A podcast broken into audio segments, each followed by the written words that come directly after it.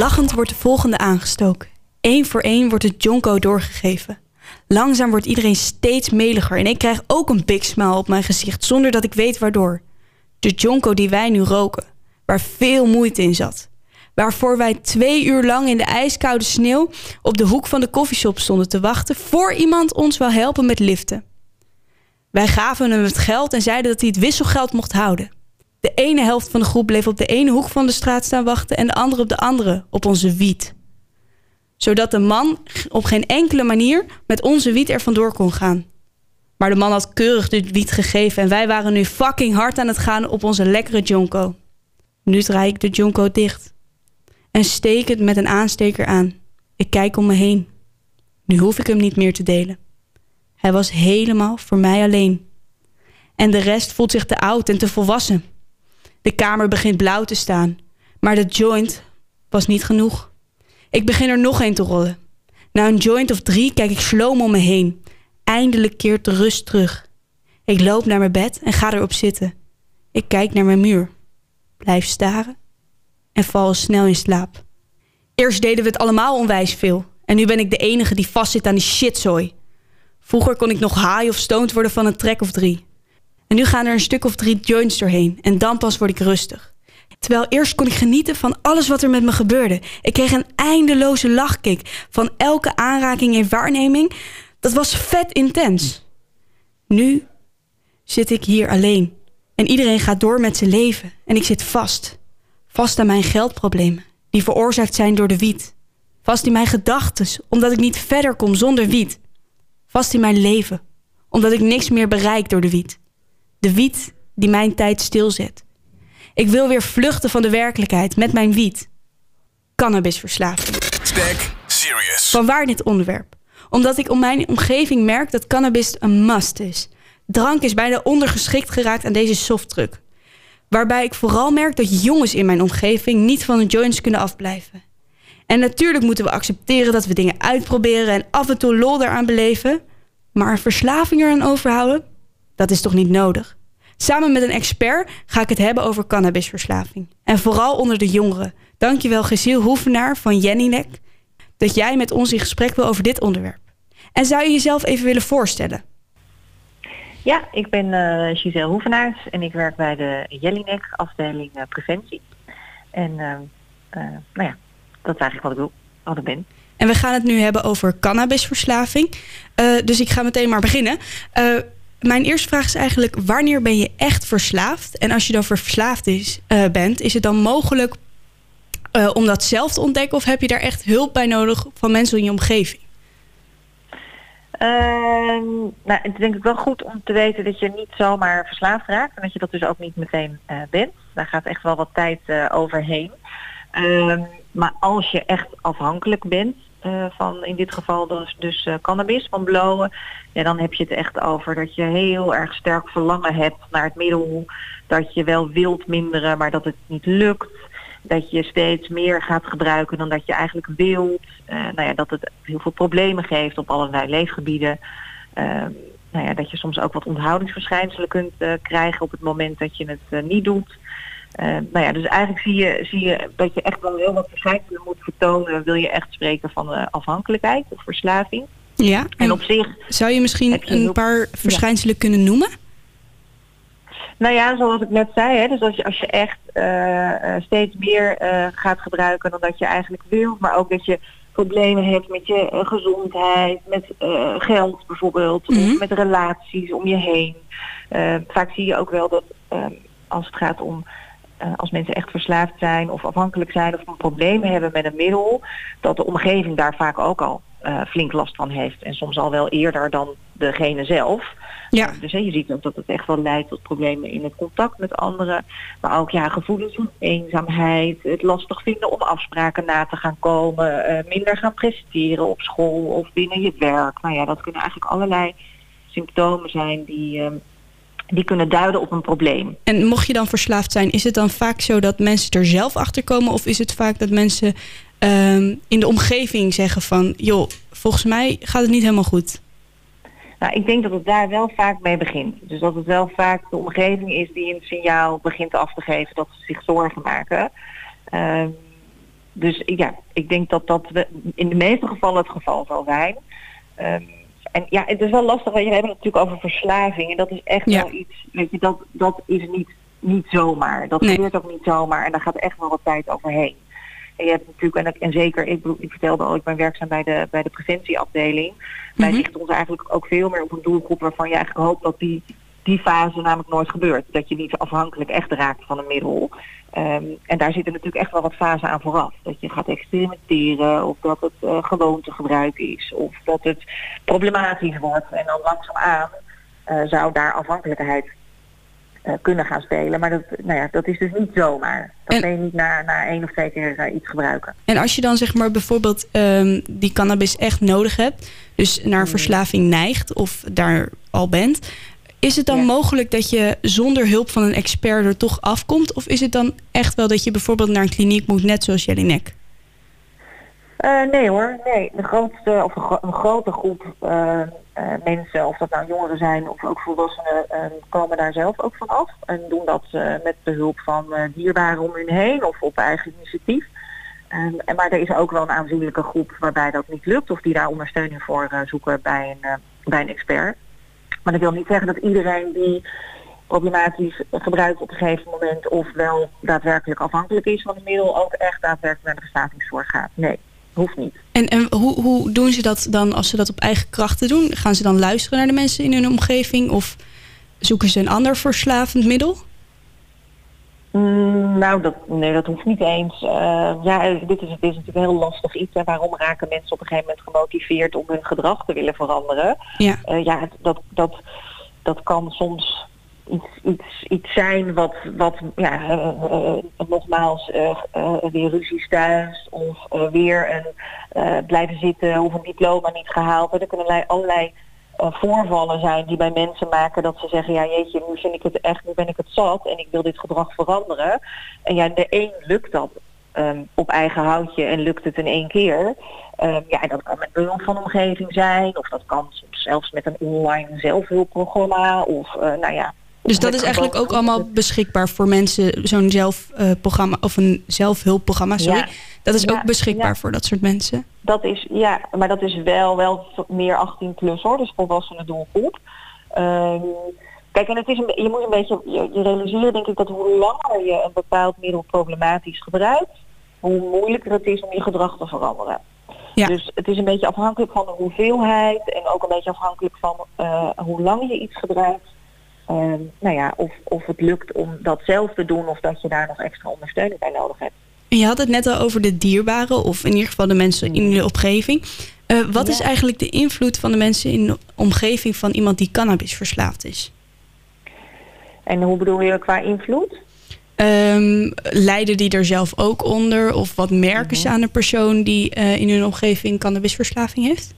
Ja, nou ja, vaak, wat ik, eh, wat ik ook al eerder zei, vaak zie je wel dat de omgeving ook uh, last ervaart. Uh, die zien gedragsverandering. Uh, of die nou ja, die, die merken dat bepaalde afspraken niet nagekomen worden. Of die merken dat degene die cannabis gebruikt daaronder lijdt, hè, zelf ook. Ja. dus, dus, dus je ziet zeker vaak dat naasten daarbij betrokken zijn. En ja, de invloed die ze kunnen hebben is ehm, dat ze steunend kunnen zijn in een veranderingsproces. dus dat kan pakken. En dat, dat naasten, dus een omgeving, daar heel steunend in kunnen zijn. Ja. Um, soms zien we ook het omgekeerde, dat een omgeving uh, ja, heel vaak uh, ook boos kan zijn of heel erg veroordelend kan zijn. Uh, en wat juist ook heel lastig soms kan zijn voor degene die, um, die, die bloot. Ja, want ik heb meteen veranderen. ook even een andere vraag. Want als je dus zo'n persoon bent in zo'n omgeving, je zegt net die cannabis verslaafd is, maar ook een negatief mhm. effect. Hoe kan je er nou het beste mee omgaan dan? Nou ja, wel een van de, de ja, en dat is lastig hoor, maar wat, wat we proberen wel mensen, want er komen ook heel veel volwassenen zelf, maar ook wel de, degene die zich zorgen maken over een andere, uh, komen bij ons. En dan proberen we toch ook wel echt de boodschap te geven, ja, probeer niet meteen te veroordelen, hè. probeer niet alleen maar de nabruik iemand, wat is de betekenis van dat gebruik. Uh, nou ja, spreek je zorgen uit, maar, maar, maar wees niet alleen maar boos en veroordelend, maar probeer ook zeggen ja, ja. spreken. Dus ja, en dat is lastig hoor soms als je ouder, een ouder bent van iemand of als je een partner van iemand bent, dan ja, dan wil je zo graag dat het beter met iemand gaat, dat het soms vanuit machteloosheid en frustratie je geneigd bent om heel ja, boos te worden en te zeggen het is slecht, het is fout en dat moet je niet meer doen. Uh, terwijl dat soms niet altijd de meest handige manier is om op een open manier het gesprek eigenlijk aan te gaan ja. met de ander. Dus ja, dat, dat is wel wat we proberen. Uh, ook met, met de omgeving goed doen. En een beetje afhankelijk van welke doelgroep het betreft. Dus dat, na, dat we ook wel tegen naasten zeggen van zo blijf ook goed voor jezelf zorgen. En Ja. niet alleen maar voor de ander. Want eh, we hadden het net al, je zei al doelgroep. Eh, we hebben het natuurlijk, of sterk is natuurlijk voor jongeren. Dus ik ben Ja. eigenlijk heel erg benieuwd van hoeveel procent van de jongeren is echt verslaafd aan cannabis? Ja, en dat heb ik geprobeerd even uit te zoeken, maar dat was ontzettend lastig om te zeggen. Soms Ja. zien we ook jongeren waarvan we zeggen, ja, nou, die, die gebruiken wel een risicovol of problematisch. En dan wil je juist voorkomen dat ze verslaafd raken. Maar wanneer gebruikt iemand risicovol? Hoeveel hebben we het dan over de hoeveelheid joints? Of gaat het dan echt over de achterliggende gedachten van de joint? Ehm, nou, dat, ik, ik, ik bedoel, de hoeveelheid zegt natuurlijk wel iets. Ik bedoel, op het moment dat jij dagelijks gaat gebruiken, dat is natuurlijk echt wel eh, problematisch. We vinden ook gebruik onder de 18 is natuurlijk ook echt al risicovoller. Ehm, maar we vinden vooral ook op het moment dat de eh, betekenis van cannabis... ehm, hè, dus op het moment dat mensen jongeren alleen gaan gebruiken en niet meer in gezelschap... of dat ze het gaan gebruiken omdat ze zich anders niet goed voelen... of dat ze zich willen ontspannen of dat ze anders eh, nou ja, eh, eh, eh, zich niet te, denken niet te kunnen concentreren of nou ja, anderszins... Ja. dan ehm, maakt het wel extra risicovol. Absoluut. In mijn omgeving ja, heb ik heel erg het gevoel dat best wel veel mensen het gebruiken. Eh, Ja. En in mijn omgeving heb ik vooral het gevoel dat jongens heel erg ehm, ja, Ja. aantrekkingskracht voelen tot die joint. Is dat ook zo of is dat gewoon mijn visie? En hoe kan het dan zijn dat jongens daar meer gevoelig voor kunnen zijn? Ja, ehm, dat het klopt, dat, dat, het, dat jij dat goed ziet, klopt. Dus ja, eh, wij zien ook in de cijfers dat jongens meer blowen dan meisjes. En als jongens blowen, dat ze ook ehm, meer, eh, dus jongens vaker dan meisjes, maar ook jongens meer blowen dan meisjes. Ehm, maar waarom, dat weet ik niet. Nee, Oké, Nee, daar kan je wel allerlei misschien hypotheses op loslaten, maar ik, ik, ik, heb er geen, ik kan niet vanuit onderzoek onderbouwen waarom dat ehm, zo is. Maar dat zien we eigenlijk ook al. Ja, nou ja, het is wel iets wat we, wat we door de. eh, als je gewoon kijkt naar onze maatschappij en middelengebruik in onze maatschappij, zie je sowieso ook dat mannen nog steeds wat meer gebruiken dan vrouwen. Eh, dus ja, en waar dat exact mee te maken heeft, dat durf ik je niet te zeggen. en als we even teruggaan naar de verslaving zelf. Het is, Mhm. eh, er wordt gesproken van een geestelijke verslaving, dus dat je geest niet zonder cannabis kan. Ehm, Mhm. Kunt u ons misschien uitleggen wat het precies inhoudt als je geestelijk verslaafd bent aan iets en of dit minder schadelijk is dan een lichamelijke verslaving? Ehm eh, eh, eh, nou ja, je hebt, je, hebt, kijk, eh, je hebt middelen waar je zowel geestelijk als lichamelijk verslaafd aan kunt raken. En er, was altijd, er is altijd gedacht dat dat bij cannabis niet het geval was. Hè, dat je Ja. daar alleen maar geestelijk verslaafd aan raakt. En dat is toch niet het geval. We zien ook dat dit een middel is waar je, ja, je noemt dat tolerantie opbouwt. Je steeds meer nodig hebt om hetzelfde effect te bereiken. Ja. Ehm, geestelijke afhankelijkheid betekent dat je, eh, ja, dat je echt eh, craving ontwikkelt, trek ontwikkelt en ehm, eh, eh, ja, eigenlijk dat middel continu opnieuw weer wilt eh, gebruiken.